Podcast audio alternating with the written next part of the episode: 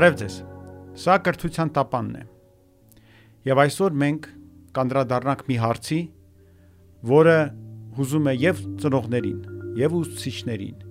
եւ ընդհանրապես բոլոր մարդկանց, որոնք զբաղված են մանկավարժությամբ։ Ինչ անել, երբ երեխան սկսում է ված սովորել։ Բոլոր երեխաները ծնվում են սովորելու բնազդով։ Ասեմ ավելին, իրենք ի ծնե հետազոտողներ են։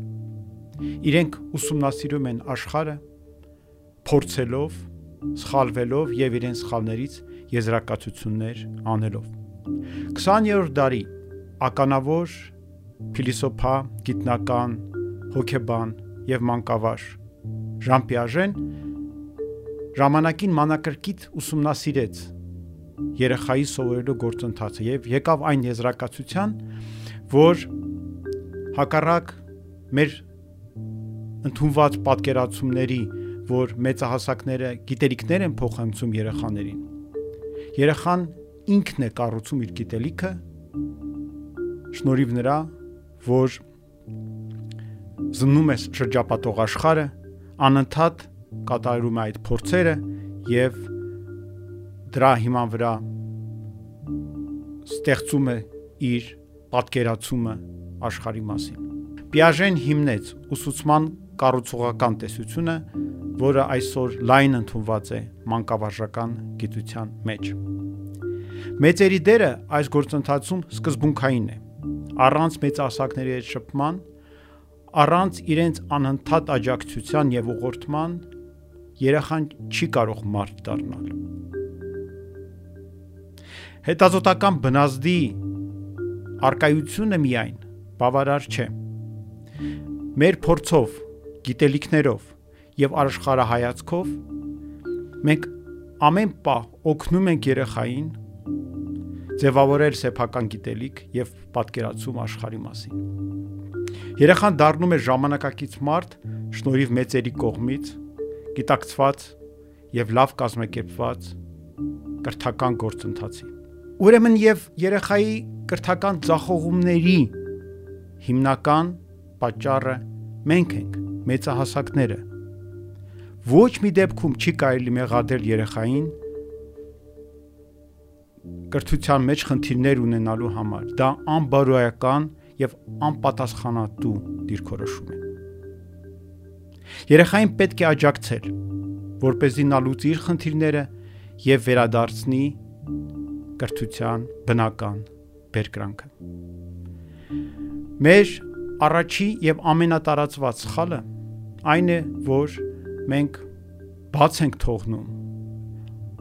երեխայի խնդիրների առաջին նշանները։ Մարդկանց մոտ խնդիրները սովորաբար սկսում են շատ փոքր աննշան հատկանիշներից, որոնք գնալով աճում են եւ եթե մենք բացի թող ենք անում վիճակը, ապա ապագայում այն դառնում է շատ ավելի դժվար լուծելի եւ երեխայի կողմից եւ մեծահասակի։ Ինչպես տեսնել այդ վաղ նշանները։ Ինչպես հասկանալ, որ երեխան չի կարողանում հաղթարել իր արժև ծառացած դժվարությունները։ Եվ նա գնալով կոտրվում է, կորցնում է իր սեփական ուժերի նկատմամբ վստահությունը։ Ամեն բան որոշվում է նրանով, թե ինչ փոխհարաբերություններ մենք ունենք երեխաների հետ։ Եվ տարբեր տարիքների երեխաների հետ այդ հարաբերությունները շատ տարբեր են։ Մինչև 10 տարեկան երեխաները մեզ ընդունում են որպես բացարձակ հեղինակություն։ Եվ մեր կարծիքը եւ մեր գովասանքը իրենց համար շատ եւ շատ կարեւոր են։ Սա նշանակում է, որ մեր ուշադրությունը պետք է լինի դեպի այն, որ մենք ճիշտ ուղղորդենք երեխային, մեր արձագանքները, մեր գոհունակությունը, որ մենք արտահայտում ենք, պետք է ուղղված լինի ճիշտ ազդակների վրա, որ เป զի աջակցենք երեխայի կրթությանը։ Եթե երեխան փորձում է եւ սխալվում, մենք պետք է իրեն հորդորենք եւ ողջևորենք, գնահատենք իր ջանքը։ Եթե մի բան բացահայտում է իր համար, մենք պետք է իրպես հավասար ուրախանանք եւ ողջավորություն ցուցաբերենք անկախ նրանից թե որքան բացահայտ է երեխայի այդ հայտնագործությունը մեր նկատողությունները պետք է լինեն ոչ թե պայմանավորված երեխայի կողմից գործած խալներով, այլ միայն եւ միայն լինեն այն դեպքում, երբ երեխան խախտում է նախապես ընդունված երկուսեք ընդունված կանոնները եւ պայմանավորվածությունները։ Մենք չպիտի մեղադրենք երեխային, երբ նա անգիտակցաբար անում է այն, ինչի մասին մենք իր հետ նախապես չենք պայմանավորվել։ Դրա փոխարեն պետք է իր հետ քննարկել իրավիճակը եւ գալ նոր պայմանավորվածությանը։ Պետք չէ տարածել երեխայի վրա ձեր մանկության փորձը, ձեր պատկերացումները։ Դրա փոխարեն պետք է գիտակցել, որ երեխան ամեն դեպքում ձեզ ընկալում է որպես հեղինակություն եւ պարտադրանք անիմաստ է կիրառել։ Ձեր խոսքը, եթե դուք երեխային դիմում եք սիրով եւ իր նկատմամբ բավարար ուշադրությամբ, անպայման տեղ կհասնի։ Ուղղակի խոսեք իր հետ, ներկայացրեք ձեր մտածումը եւ եթե ձեր հարաբերությունները առողջ են, հիմնված են սիրո եւ հոգացության վրա, երեխան ձեզ հետ կհամաձայնի։ Այս տարիքում ամենավտանգավորը գերհեղինակություն դառնալն է, որովհետև դա առաջացնում է երեխայի մոտ ներքին վախ, ձեր նկատմամբ ինչ որ մի սխալ բան անելու հետ կապված կամ ընդհանրապես ձեր ներկայությամբ վատը Երևալու, ձեր աչքերում վատը Երևալու։ Եվ դա հաստատ իրեն բերելու է նրան, որ դուք իրեն խճճելու եք եւ դրթելու եք մանիպուլյացիաների տարատեսակ։ Այս իրավիճակը փոխվում է երեխայի սեռական հասունացման փուլ մտնելու հետ մեկտեղ։ Երեխան կարիք է զգում ձեզանից կտրվելու, հակադրվելու։ Ունենում է իր գաղտնիքները։ Պատրաստ չամեն բանով կիսվել ձեզ հետ։ Սկսում է ավելի կարևորել իր ընկերների հետ հարաբերությունները։ Ունենում է իր սեփական հետաքրքրությունները։ Դա նորմալ է, այդպես էլ պետք է լինի։ Այդ տարիքում ձեր դերը փոխվում է։ Դուք մնում եք իր համար հեղինակություն, սակայն ձեր հիմնական դերը դառնում է խաղի կանոնների գլխավոր պահապանը բայց այդ կանոնների սահմաններում երեխան պետք է ստանա ինքնուրույն գործելու, որոշումներ կայացնելու ազատություն։ Հետ է իհարկե, բայց այդ ազատությունը իրեն պետք է շնորհվի։ Ձեր հիմնական նպատակն է այդ ընթացքում հետադարձ կապ տալը, իր հետ իրավիճակները քննարկելը, ձեր մտահոգություններով կիսվելը։ Եվ դրա արդյունքում դուք պետք է իր համար դառնաք ոչ այնքան բացարձակ հեղինակություն, ինչպես նախկինում եք, այլ կարևոր ընկեր իր հետ կարևոր եւ անմիջական կապ ունեցող սիրված մարդ։ Նաև պետք է հետաքրքրվել այն ամենով, ինչ հետաքրքրում է երեխային։ Եթե երեխան ինչ-որ բան է թաքցնում, գաղտնիք ունի։ Եթե այդ բանը իր համար կարևոր է, նա միջոց կփնտրի ձեզ հետ դրա շուրջ զրուցելու։ Ձեր նպատակը պետք է լինի իր համար առիթ ստեղծելը։ Իսկ դրա համար պետք է իրենց հետ երեխաների հետ հնարավորինս շատ լինել, հնարավորինս շատ ժամանակ իրենց հատկացնել, ընդ որում ստեղծելով տարբեր իրավիճակներ։ Օրինակ, մի բան, որը երեխայի համար դժվար կլիներ քննարկել ձեզ հետ կամ դրա մասին խոսել սովորական պայմաններում հեշտությամբ կարող է դառնալ խոսակցության առարկա արշավի ժամանակ կամ իր հետ համակարգչային խաղ խաղալիս։ Անցողիկ տարիքում երեխաների ուսումը սովորաբար դժում է, քանի որ իրենց մեջ կատարվող փոփոխությունները, հորմոնների խաղը ազդեցություն են ունենում իրենց վրա։ Նաև իրենց մոտ ձևավորվում է հստակ հետաքրքրություններ որոշ առարկաների նկատմամբ եւ նվազում է հետաքրքրությունը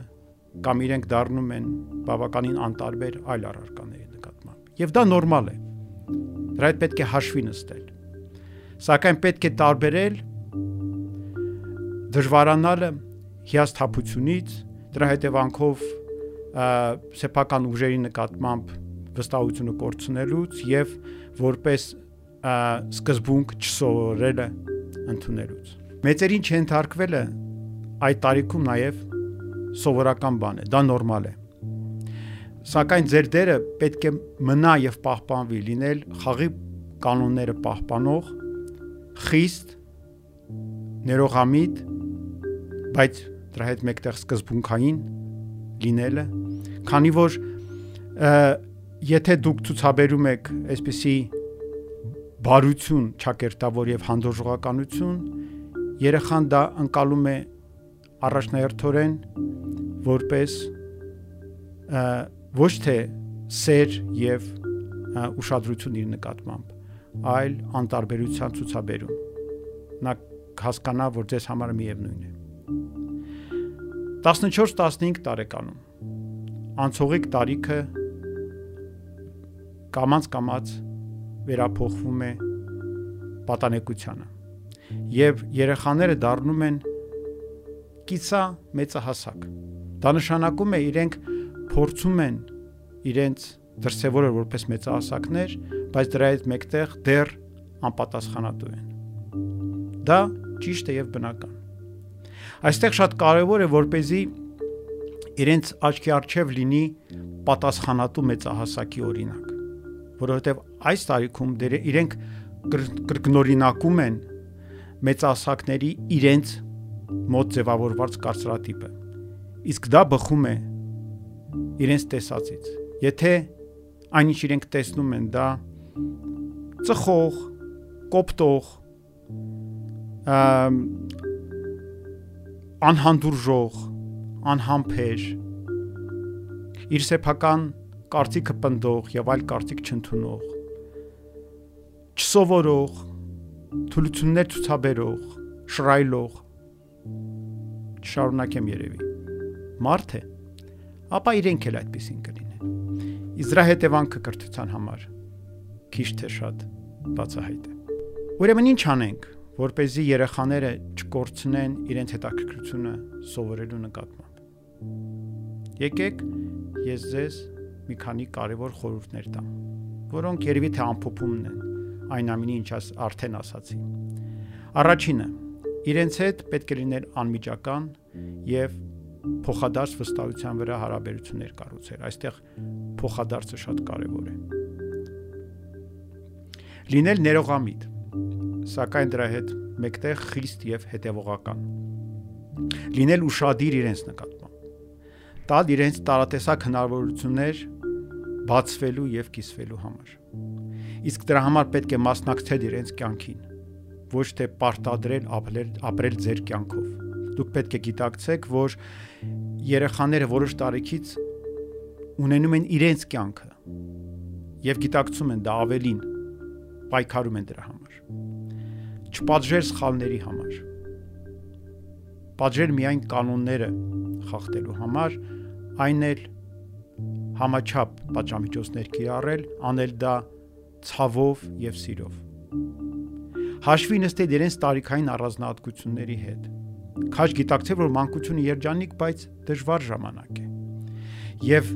միշտ ցուցաբերել աջակցությամբ պատրաստակամություն։ Չխախտել պայմանավորվածությունները, լինել սկզբունքային եւ պատասխանատու ցուցաբերել սովորելու պատրաստակամություն, լինել սովորելու օրինակ անընդհատ նոր բաներ սովորել եւ ողջավորությամբ կիսվել ձեր փորձով ձեր երեխայի հետ։ Իր հետ սովորել։ Բաց ընդունել ձեր սխալները։ Առանց կաշկանդվելու պատմել ձեր անհաջողությունների եւ ցախողումների մասին։ Երբեք ձեզ, ձեզ երեխաներից վեր չդասել։ Չհամարել, որ մեծ ասակ լինելը արդեն իսկ բավարար է, որպեսզի դուք ճիշտ համարվեք։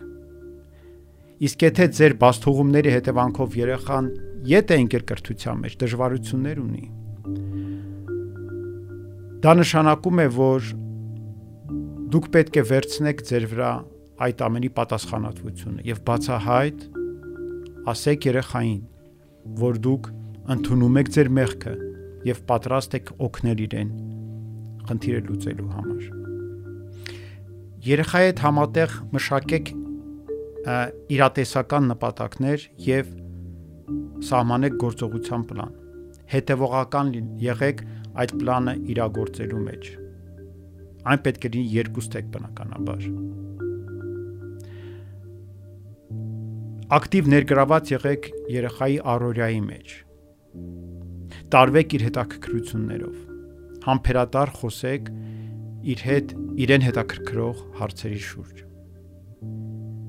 Մի խոսքով եղեք իր հետ ձերք ձերքի եւ ձերք ձերքի անցեք այդ ճանապարհը համատեղ։ Երբեք մի մեղադրեք իրեն եւ մի պարտադրեք եւ մի պահանջեք մեծահասակի իրավունքով։